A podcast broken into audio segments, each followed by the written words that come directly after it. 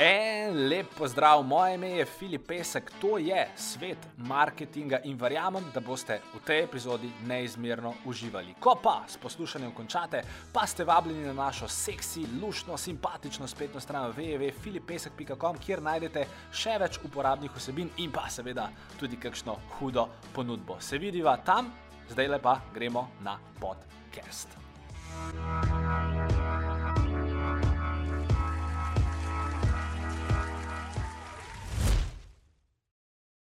Hej, živijo, Filip tukaj.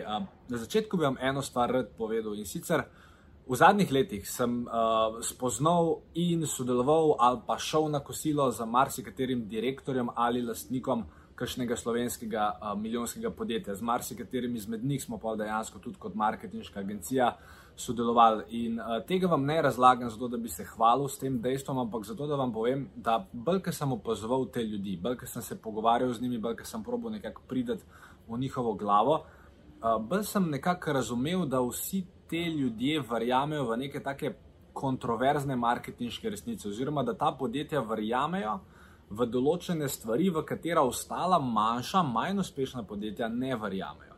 In danes v tej epizodi, v tej oddaji, v tem videu bi vam v bistvu rad povedal, kaj te stvari so. Ne rečem, da se morate z njimi strinjati, Verjamem pa, da če boste vsaj v prakso dali eno izmed njih, da se zna vaše poslovanje zelo hitro spremeniti na seveda zelo bolje, oziroma pač id v smer, v katero si želite iti. Mi grede za vse tiste, ki me še nikoli niste videli, moje ime je Filip Pesek, to je načeloma en tak improviziran Filip Pesek šov. Um, zakaj ga ne snimam v studiu s profesionalno opremo, kot ostale? Zato, ker sem trenutno v Dubaju. Um, ta struktura sicer ne ponazarja Dubaja, jaz sem hotel vdajo posnet tako, da bi se zadnji videla cela dubajska marina tukaj iz našega hotela. Uh, ampak um, problem je, ker je zvok katastrofalen. Uh, Dubaj, v Dubaju se cel cel nekaj gradi, cel cel nekaj raste uh, in zato pač smo danes tukaj um, nekje v nekem lobiju. Uh, in verjamem, da v bistvu vam bo dale teh šest uh, kontroverznih resnic uh, uh, zelo všeč. In jaz kar predlagam, da začnemo s prvo, oziroma zelo všeč. No, pač kontroverzne bodo, mogoče vam tudi ne bodo všeč, kaj vem. Torej, prva stvar je, nobeno veliko ali pa hitro raztoče podjetje, da jim rečem, uh, ne gleda na marketing kot na strošek. Pika. Uh, Glih, ker sem v bistvu letel sem v, v Dubaj z, z Nastjo, uh, sem bral marketing magazin uh, iz, iz novembra. In v marketing magazinu imajo pa tam na koncu vedno neke zanimive grafe, pa, pa številke. In tam je bil en podatek, ki me je tako zelo fasciniral. In sicer mislim, da je pisal ne, ne zdaj točno ali Mercator, ali Spar, ali Lidl, ali Hofer, en izmed teh štirih, ali pa mislim, da kar vsi štiri. Imajo nek mesečni marketinški budžet uh, nad milijon. Jaz mislim, da celo da je špar, mislim, da porabijo okrog 4 do 5 milijonov v mesecu novembru leta 2020.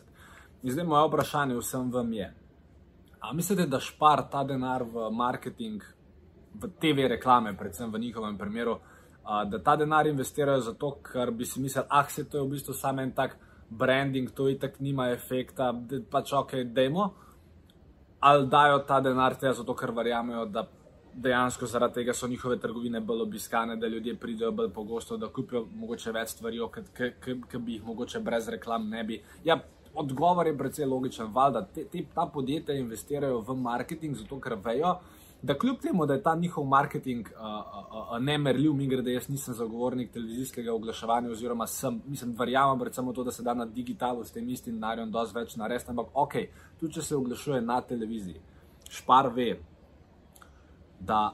To za njih ni strošek, oziroma ve, da se bo z tega nekaj dobrega razvil. Mogoče ne takoj, ampak eventualno pa zato, ker špar in vsa ostala velika podjetja, uh, v kjeri koli branži, seveda ne govorim samo o prehrambeni branži, se tudi v neke prodajo avto, v neke prodajo igrače, v neke prodajo pasjo hrano, vse deluje vse po istem principu. Uh, vsa ta velika podjetja namreč, še vedno smo znotraj te resnice kontroverzne, ena, vsa ta velika podjetja imajo eno glavno prioriteto in to je, mi moramo biti vidni. In mi moramo zgraditi awareness, oziroma moramo pač doseči to, da nas ljudje dejansko prepoznajo, da vejo za nas, ker vsa ta velika podjetja uh, se dejansko zavedajo, da če te ljudje ne poznajo, če, te, če ljudje niso slišali za te, če takrat, ko razmišljajo o nečem, se ne spomnijo na vas, da pa dejansko tudi od vas ne bodo uh, kupili. In če boste še vi nekako s to isto mentaliteto štartali v, uh, v podjetništvo, v tole marketinško igro, uh, se vam znajo zgoditi uh, nekako zelo lepe stvari. In kar morate vedeti, je, jaz vem, da uh, imam verjetno marsikdo izmed vas uh, slabe izkušnje z oglaševanjem. In kljub, mislim, ali pa da je imel kakšno negativno izkušnjo, se večina podjetij, ki ve, kaj dela, ima zelo, zelo, zelo dobre izkušnje z oglaševanjem. Ampak tudi, da reč, da imate neko slabo izkušnjo za sabo, vi morate vedeti. Tudi tista marketinška kampanja, ki je bila mogoče čist narobe zastavljena, pa ki mogoče ni dosegla tistega cilja, ki ste si ga vi želeli. Jaz osebno verjamem, da je bila ta kampanja na dolgi rok za vas vseeno dobra, oziroma da je boljš, da ste jo naredili, kot pa da jo ne bi naredili. In zakaj tako mislim, oziroma zakaj, da ne bo pomote. Jaz ne zagovarjam slabega marketinga. Jaz, jaz mislim, da mora biti vsaka kampanja, vsak evro, ki ga investirate v, oglaš, v oglaševanje, hudičevo dobro premišljen in da se pač z narjem, ki ga neko podjetje nekam da, s tem se seveda ni za igrati. Hočem vam pa povedati resnico številka dve. In ta resnica številka dve je, velika podjetja, oziroma hitro raztoča podjetja, oziroma vsi te uh, direktori, lastniki, ki jih poznam, uh, uh, vsi te, ki stojijo zadaj za temi velikimi slovenskimi in mednarodnimi zgodbami, uh, imajo nek tak moto. Jaz ga bom probo, pač po, mislim, ker, ker, ker se je marsikdo izmed teh ljudi, ki ve, ki razmišlja na veliko, tega ne zna artikulirati. In jaz sem to nekako zapisal v tale stavek. Torej, marsikatero veliko ali hitro raztoče podjetje raje zapravi en evro, s katerim zgubi 10 centov, kot pa da tega enega evra sploh ne bi zapravili. Še enkrat, velika ali hitro raztoča podjetja raje zapravijo en evro oziroma investirajo v oglaševanje en evro, ki jim zgubi 10 centov, kot pa da tega enega evra sploh ne bi investirali. Kaj to v bistvu po domače pomeni? To v bistvu pomeni, da uh, ta velika podjetja, oziroma vsi, ki jim pač v poslu ratuje, uh, se zavedajo enega pojma, ki se jim re, reče uh, lifetime, uh, oziroma customer uh, lifetime value. Reče, obstaja celo kratica, reče se CLV. Ne, to ni Mercedes CLA, ampak CLV. Uh, in, in što se v tem, da če, torej, če jaz kot podjetje porabim en evro in sem zaradi tega v tistem kvartalu. Za 10% od tega enega, ali pa da jim rečem, da sem zapravil 3000 evrov v neki kampanji, uh, in da sem pol uh, vem, iz tega dubu direktno merljivo nazaj 2600 evrov profita, torej karikiram, naredil sem 400 evrov minusa, da jim rečem, da ne vem, kako že to procentov je. Ja, v redu, ok, sem v unem kvartalu naredil minus. Sam. Kaj mislite, da unike so kupili v tem kvartalu nekaj od vas, da jim v naslednjem kvartalu ne boste nič prodali? Mislite, da tisti, ki je mogoče danes nekaj kupil, ali pa v tem kvartalu nekaj kupil, da ne bo naslednji kvartal dal priporočila nekomu drugemu, ki bo potem kupil nekaj od vas, kljub temu, da niste za polno osebo mogli nobenega advertising budžeta nameniti. Ali mislim, tako, malo je treba razmisliti, ali pa ne vem, vsi ti, ki so videli vašo to reklamno kampanjo, pa niso kupili. A mislite, da bodo zaradi tega v naslednjem kvartalu, ko bodo spet videli nek vaš oglas, A mislite, da bodo bolj dovzetni za tisto, kar imate, zato ker so za vas predtem že slišali, ali mislite, da to, da je nekdo za vas prej že slišal, da je dejansko minus? Mislim, valjda, to je vse plus, to je vse awareness, to je v bistvu vse neke vrste.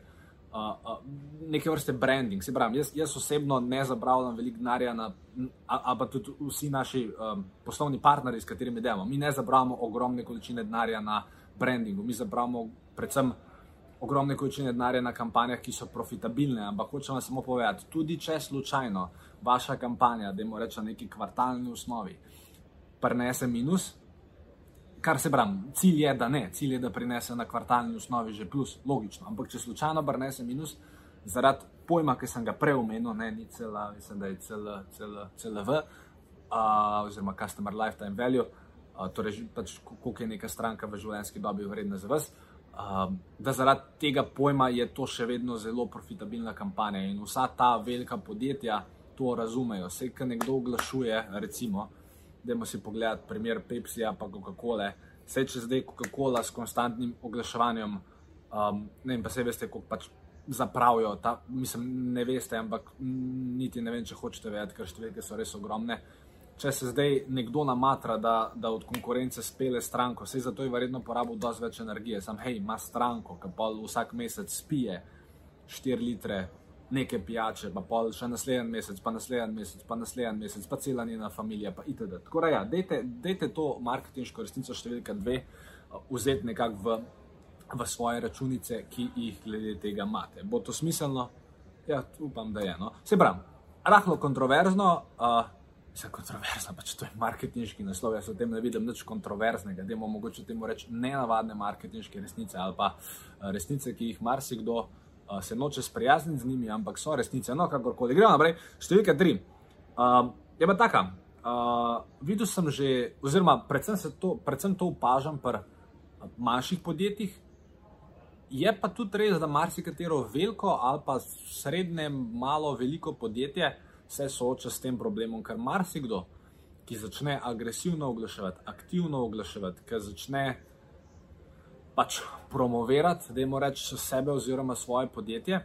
Ne vem zakaj, ampak dobi nek občutek, da je on zaradi tega manipulator, uh, nategun ali pa ne prediprav. No, uh, jaz danes tukaj sem zato, da, da, da, vas med drugim povem, uh, da vam med drugim povem, če delaš marketing in če delaš marketing na moralen, in etičen način, pol nisi ne na tegum, pol nisi ne eh, manipulator, pol nisi ne nič tretjega, pa si pač človek, ki verjame v svoj produkt in želi ta produkt približati čim več ljudem. Tukaj je treba biti pozoren samo na dve stvari, da ne boste bolj res postali na tegun. Uh, torej, prva stvar je, da če nekaj obljubite, uh, da pač to obljubo uh, držite, uh, oziroma da vaš produkt dejansko uh, uh, dostavi ali pa doseže to, kar vi obljubljate v svojih oglasnih sporočilih.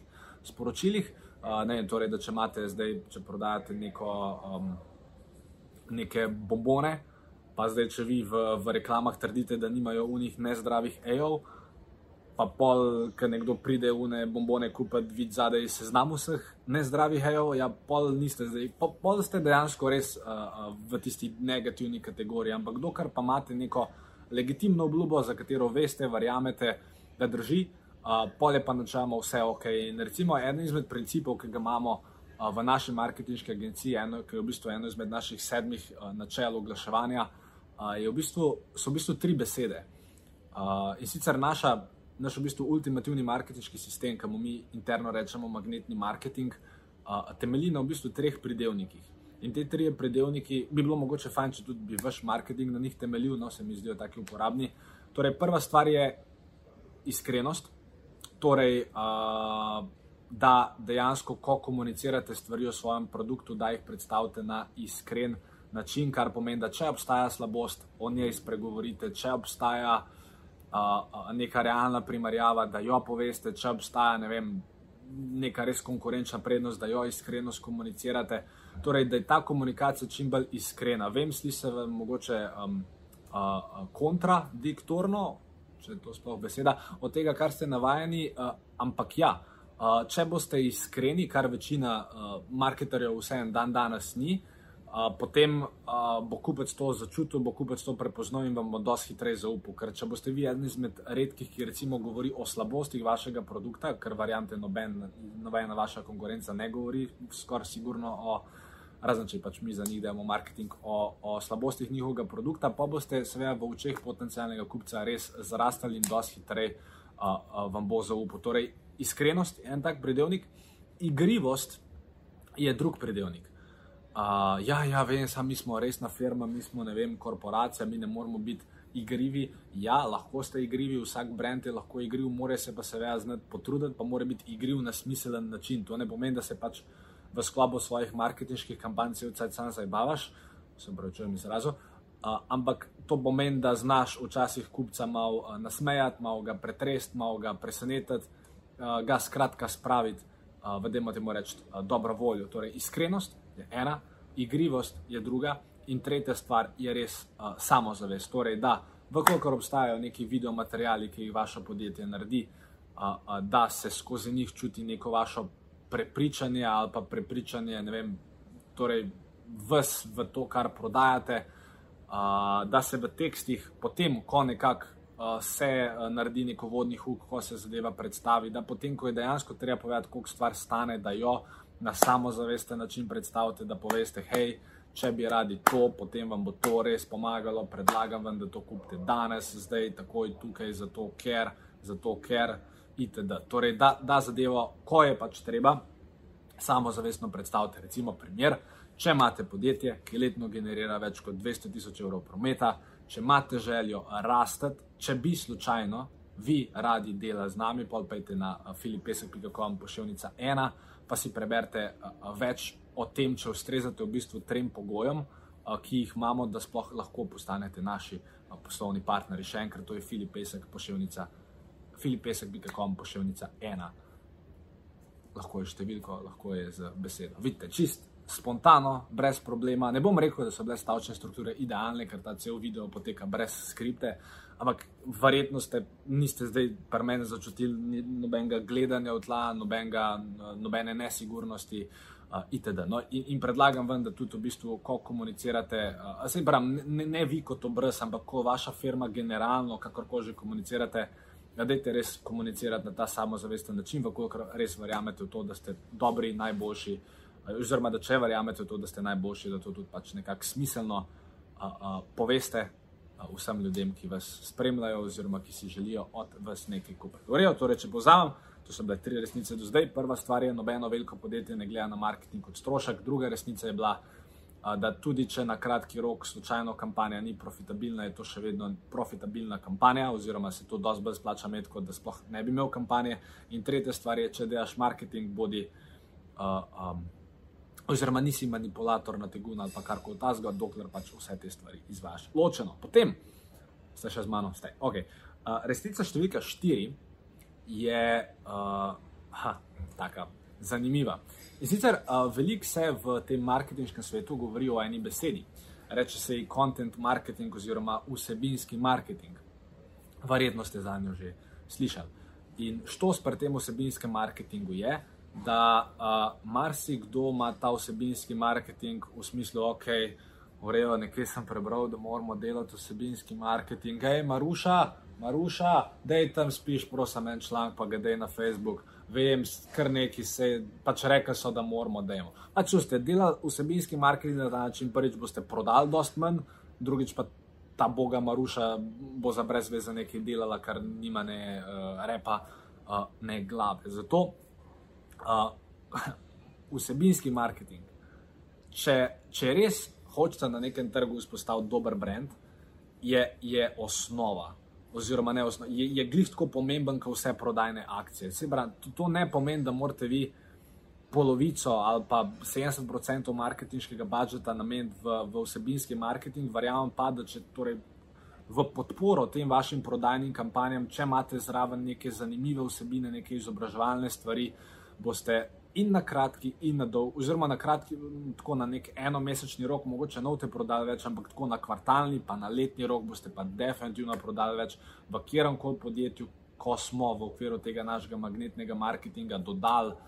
Uh, poleg prodajnih oferjev, še vsebine, smo videli, da na kvartalni osnovi so šli rezultati zelo gor. Zakaj? Ker skozi vsebine uh, se v bistvu to zaupanje potencijalnih kupcev v brand uh, uh, res dvigne, zgradi se ta vez, postaneš dosti bolj dovzeten, potem tudi za vse te prodajne nagovore itd. Ker če v bistvu si ti nekdo, ki cel cel cel samo pač pič, pič, pič, pič, pič, pič v smislu, pač, da nekaj hočeš prodati, potem te ljudje eventualno začnejo ignorirati, ker pač jim ne poveš nič uporabnega, ker ljudje vse en dan danes si želijo uporabnih informacij, jih zanimajo informacije, prejem kar koli kupijo. Ne govorim, da vse, obstaja en določen segment impulzivnih kupcev, ki pač ko on v tistem trenutku išče ali pa ne vem, ko piše neko besedno zvezo Volvo C6 16 skozi 2 v Google, pač hoče sam vedeti ceno, pa hoče poklicati, pa kupiti sam. Večina kupcev ni takih, večina kupcev prejem prije do te faze, ima še 11-mesečno fazo razmišljanja in če lahko v tej 11-mesečni fazi razmišljanja date v bistvu ljudem pravo vsebino, uh, bo pa dejansko oseba sama od sebe na koncu rekla: hej, zdaj pa sem že to prebral v tem Volvotu, uh, zdaj pa bi ga dejansko uh, rad imel. Zato, uh, ja, vsebinski marketing mora biti, seveda, smiselno, sistematsko zastavljen, ampak mora pač biti del a, celotnega vašega načrta in ne sme biti pač tam ob strani kot nek. A, pač na Ptuju, oziroma tam v, v, v koncih uh, mojih staršev, oziroma moje mame, uh, so temu rekli uh, pomijek. Torej, ne sme biti uh, pač ta content marketing tam na strani, ki je eno uh, 13 prase. Okay. Resnica številka 5. Uh, dober marketinški kader, oziroma vrhunski marketinški kader, ali pa vrhunsko marketinško znanje, uh, ni, ni, ni opcijsko ampak je must, oziroma je nekaj, kar enostavno moraš, oziroma more vaše podjetje, če želi biti pač uspešno in veliko na dolgi rok, je to nekaj, kar mora imeti. In, in tukaj je dejansko ogromno napak narejenih, ker uh, v slovenskem podjetništvu obstaja, pa v podjetništvu nasplošno obstaja ena taka logika, da ja, ja, karkoli bomo mi kupili, karkoli bomo mi zrihtali sami sebi, bomo najprej zbrali tri ponudbe in pa bomo zbrali uno najcenejšo. Super.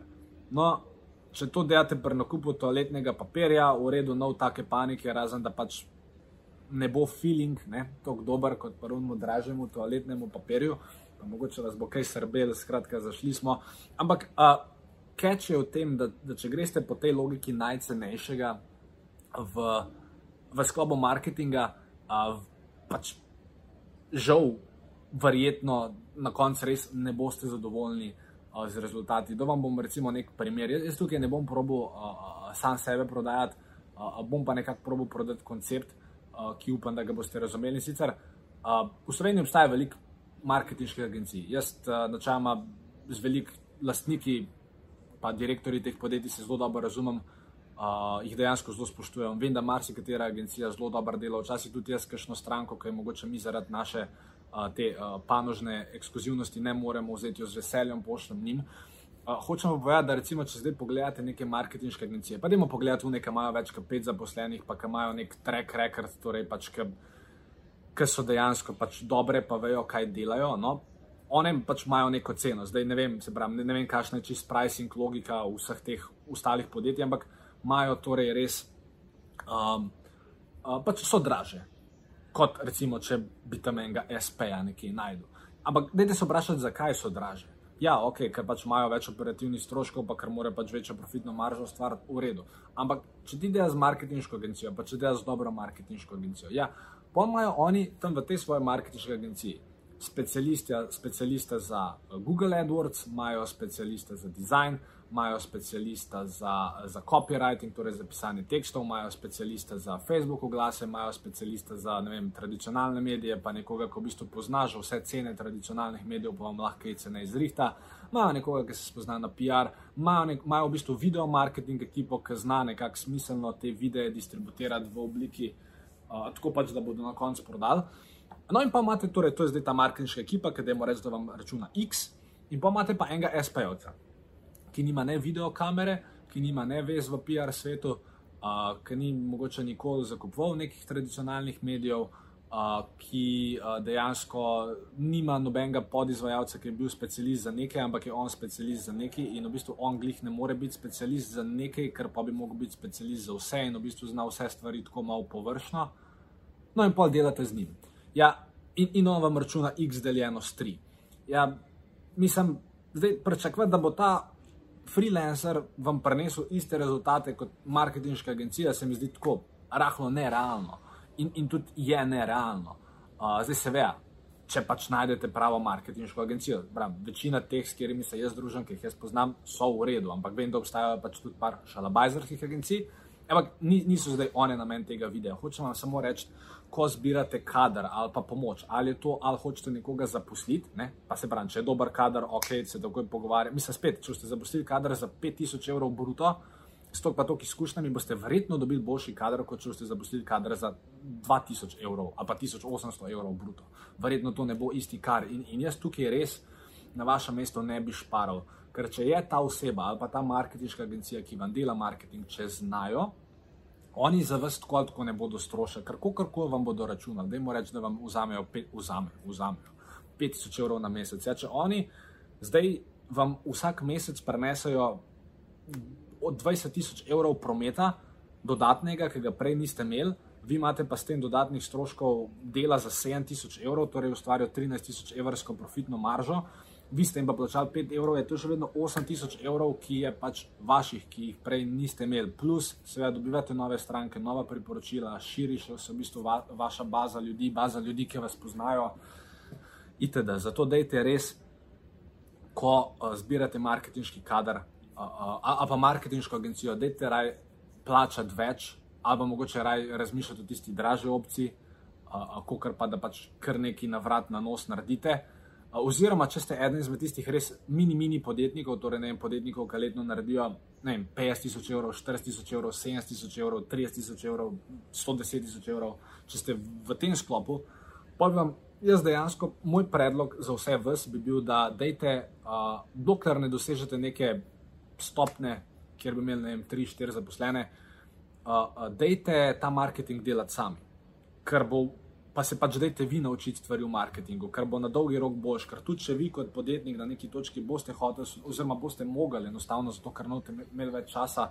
Mislim, če ste hoteli sodelovati z marketinško agencijo, je fajn, da imate vi vsaj neko osnovno marketinško znanje, da boste lažje komunicirali s to marketinško agencijo. Oziroma, da če boste eventualno mogli imeti uh, in interni in zunani kader za marketing, da boste interni kader uh, znali voditi, itd. Zato jaz, za vse tiste, ki ste res nekje na začetku podjetniške poti, dejte se izobraziti o marketingu, dejte, ne vem, brati marketinške knjige, uh, dejte uh, gledati moje videe uh, in početi vse te ostale stvari, no, ker mislim, da bo uh, za vas na dolgo. Mislim, da je v bistvu ta investicija v marketinško znanje dejansko ena izmed boljših investicij, ki jih lahko naredite. Se pravi, pa pa kanote več, ko boste iz te majhnosti prerastel v malo bolj resno podjetje, pa kanote več manj časa, pa ko ste imeli že kapital, da investirate v to marketinško ekipo ali interno ali zunanjo, pa pa pač to zadevo naredite. Ok, smiselno, to je bila resnica številka 5 in zaključujemo z marketinško resnico številka 8, 6.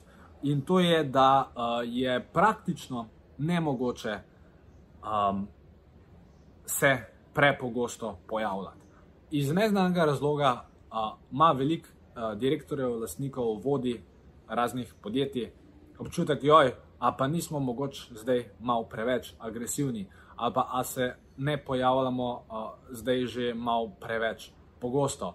A, in, in ponavadi to prepričanje temelji na tem, da a, sta vam dve stranki napisali e-mail, uh, hej, preveč vaših oglasov videvam, joj, a pa poslali ste mi en mail preveč, unsubscribala sem se, joj. Pač, prvič, če, če vaša prepričanja temeljijo uh, na, na, na torej dveh feedbackih, ki ste jih dobili, s tem, da vseh ostalih tisoč ljudi, ki ste jim poslali e-mail, pa ni dal nobenega feedbacka ali pa celo neki kupal, pol, pol morate pač najprej razčistiti, torej na kakšnem vzorcu vi feedback oziroma feedback pobirate oziroma kako sploh svoje prepričanje tvorite. Ampak pustimo to, to je ena druga debata. Kar sem vam hotel reči, je, da je da dejansko praktično ni mogoče biti prepogost. Edina stvar, ki jo lahko naredite, je, da ste preveč dolgočasni. Torej, da, vam bom primer, da bi vi zdaj prišli na eno spletno stran, recimo spletno stran tega hotela. In potem bi, in pa pač ne bi kupili, pa ne bi rezervirali, in potem bi v bistvu po spletu naslednjih šest mesecev videli identičen oglas za ta hotel, ki se nikoli ne bi nad spremenil, ker bi bil skozi isti. Pa bi, vas, pa bi še SMS dobilo tega hotela z istim tekstom, pa, pa bi vas še nekdo poklical z istim tekstom. Pač to bi bilo mogoče malo butast, ker to je pol dejansko. Uh, tukaj ni nobene kreativnosti, ni nobene vsebine, ni ničesar. Torej, pa, pa tudi v tem primeru bi jaz, kot lastnik tega hotela, rajš, mislim, nisem lastnik tega hotela, ampak če bi bil, bi dosta raje naredil to, kar sem zdaj rekel, torej distributiral dolgočasno sporočilo naslednjih šest mesecev, kot pa ne distributiral sploh nobenega sporočila. Ker po mojem bi odziv prodajni na unih šest mesecev dolgočasnosti bil vsem boljši, kot če sploh nič ne bi bil marketinško uh, aktiven. Zato uh, naj vas ne skrbi. Če vsa ta velika podjetja, torej če zdaj rečem, naštejte pet podjetij, ne pa boste rekli, ok, Apple, Nike, Coca-Cola, la la la pa vse ne vem, slovenske banke, ki jih posod vidite, pa ne vem, zavarovalnice itd. Če one niso uspele uh, priti do točke, ker ne, zdaj recimo, ok, zavarovalnica Triglav vsako leto sponzorira planico. Kaj? A zdaj boste pa 8 let gledali planico in pa boste 9 leto. Uh, deveto leto boste, oh, fuck, lej planica, vmes je reklama za Triglo. Veš, veš kaj je Triglo? Zdaj pa te jaz že devet let gledam tega fantka na posli, ki tam skače, pa sanja o tem, kako bo on šel na polete. Zdaj pa, ker vas že deveto leto gledam, ste pa vi dosegali moj plato in ste preveč pogosti, zato jaz, ki sem do zdaj imel zavarovanje na zavarovalnici Triglav, evo, zdaj bom poklical mojega agenta, bom mu rekel, veš kaj, preveč oglasov imate, hvala na svetu. Mislim, da se vam to zdi kot realen scenarij. Ja, seveda, to ni realen scenarij in zato res ne imeti tega občutka, da lahko kakorkoli um, kakorkol nekako ste na enem trgu preveč prisotni. Uh, kar, kar morate razmišljati, da se pravi, kako v bistvu ste lahko res čim bolj prisotni, oziroma kako lahko čim več kanalov pokrijete, kako lahko ta omni channel oziroma omni prezenco uh, skozi marketing dosežete. Uh, jaz vem, da bo mogoče ta primer malo pristranski, uh, zato ker pač Nastja je moja žena, vem, je tudi naš uh, poslovni partner, pa čudovito sodelujemo. Uh, ampak oni so res, torej uh, v, v sklopu podjetja oziroma brenda Malinca, oni so res v Sloveniji ustvarjali en tak zelo lep omni-channel uh, primer in tudi zaradi tega zelo lepo rastejo iz leta v leto. Ker oni ne samo, da so pametni in da na digitalu, torej poleg vsebinskega marketinga, pa da imajo prodajne vsebine od Google, Facebooka in Instagrama, do tega, da imajo organski marketing, da imajo super poštiman e-mail marketing, da imajo vem, vse ostale marketinške stvari, ok, torej digital imajo, da jim rečemo, pokrit, TikTok, pa še vse ostale zadeve, ki jih izvajo poleg digitala, pa delajo super s tradicionalnimi mediji, imajo PR, uh, imajo televizijo, imajo jumbote, imajo pač vse ostale stvari. Torej, dosegle so res to. Vse možne kanale, kjer se one lahko dotaknejo kupca, ga spomnijo na to, da obstajajo, mu nekaj novega povejo, vse te kanale zelo lepo izkoriščajo. Seveda, a je še kaj rezerve za malinčo na slovenskem trgu? Absolutno. Hočem vam samo povedati, da če imate nek široko potrošen produkt, ki ni glih tako za ene 200, 200 ciljnih strank v Sloveniji in to je to, ampak če imate široko potrošni produkt, dajte si res vem, napisati, magar nekam, ok, če bi bil moj marketinški budžet neomajen, kje vse bi lahko bil, oziroma na katerih medijih bi se lahko pojavil. In pol se vprašajte, ok, aha, to imam, to imam, to imam, tega nimam, tega nimam, tega nimam, tega nimam. Zakaj pa teh štirih stvari nimam? Ok, koliko prometa ali pa. A bi lahko investiral ali bi lahko povečal moj marketinški budžet, da dam denar še v te kanale, ker verjamem, če boste dali denar v več kanalov ali pa v en isti kanal, pač dal več budžeta, karkoli od tega pač hočete narediti. Uh, se bo to poznalo na vašem uh, prodajnem rezultatu. Če bodo kampanje na spletu, pa če bodo pametno zastavljene, se bo to verjetno poznalo takoj, še isti dan ali pa v roku enega tedna. Če boste šli na tradicionalne medije, v redu, tam moraš biti malo bolj uh, potrpežljiv, oziroma rezultati ponovadi malo dlje trajajo. Ampak se bram. Danes se gre v bistvu za ta multiple touch point, oziroma za to multiple touch point situacijo, kar pomeni, da se oglas na televiziji ni namenjen temu, da, oh, fuck, jaz pa nikoli nisem še slišal za ta brand, ha, zdaj sem pa videl TV reklamo, zdaj šel pa kar kupiti. Ponavadi se ne zgodi to, ampak, torej, nekdo te vidi na TV-ju, pozate sliš po radiju, pa mu en friend pove nekaj o tem brendu, pa gre na spletno stran, pa ne kup, pa ga začnejo retargeting oglasov delovati, pa še enkrat vidi na TV-ju pa še enkrat slišiš po radiju, pa ga pa zadane en ta prav Facebook oglas, ali pa Instagram oglas, ali pa YouTube oglas, in pa se on reče, no, ok, zdaj pa jim dam priložnost. In pa kup, in pa če ste pametni, še naprej uh, komunicirate s to osebo in ponudite ostale izdelke, in date novo vsebino, in razložite nove stvari, in ta oseba potem začne ponovno kupovati. In eventualno postane vaš lojalni fan, ki potem uh, kot nek tak mini ambasador dela marketing uh, za vas, popolnoma brezplačno, uh, plus še vedno veliko stvari kupuje uh, od vas. In to bi bilo to neko šesto načelo. Torej, ne, se, ne vas ne skrbi, da boste prepogosti, ampak dajte razmišljati o tem, predvsem kako ste lahko bolj pogosti. Ker ne glede na to, koliko ste veliki, ste verjetno premalo pogosti. Oziroma, če bi bili bolj pogosti, bi več prodali. In to je bil uh, tale moj video o šestih kontroverznih marketinških resnicah. Upam, da vam je bil všeč, upam, da vam je bil ok. Uh, če vas karkoli zanima, uh, ne vem, kjerkoli je to objavljen, če spore napišite komentar, z veseljem na njega odgovorim. Uh, oziroma, uh, se veste, ne, na koncu nek tak pič, uh, more biti, če bi radi uh, imeli enega tazga partnerja, enega tazga, eno tako marketinško ekipo ob vaši strani, s katero bi lahko, katero bi lahko dejansko dosegali rast, ki si jo želite. Uh, Poskočite na filipesek.com, bo še enica ena, pa si preberite, če pašemo skupaj. Prav, evo, to mislim, da je za danes to. Še enkrat vesel bom vašega komentarja sporej. Še bolj, še bolj bom pa vesel, če katero, iz, katero koli izmed teh šestih marketinških resnic, uh, če začnete v bistvu verjeti vanjo in jo predvsem uporabljati v sklopu vašega podjetja, vašega poslovanja in vašega marketinga. Ne bo to za danes vse. Moje ime je Filip Pesek, z veseljem sem naredil ta video za vas in uh, lepo smete in pa čau.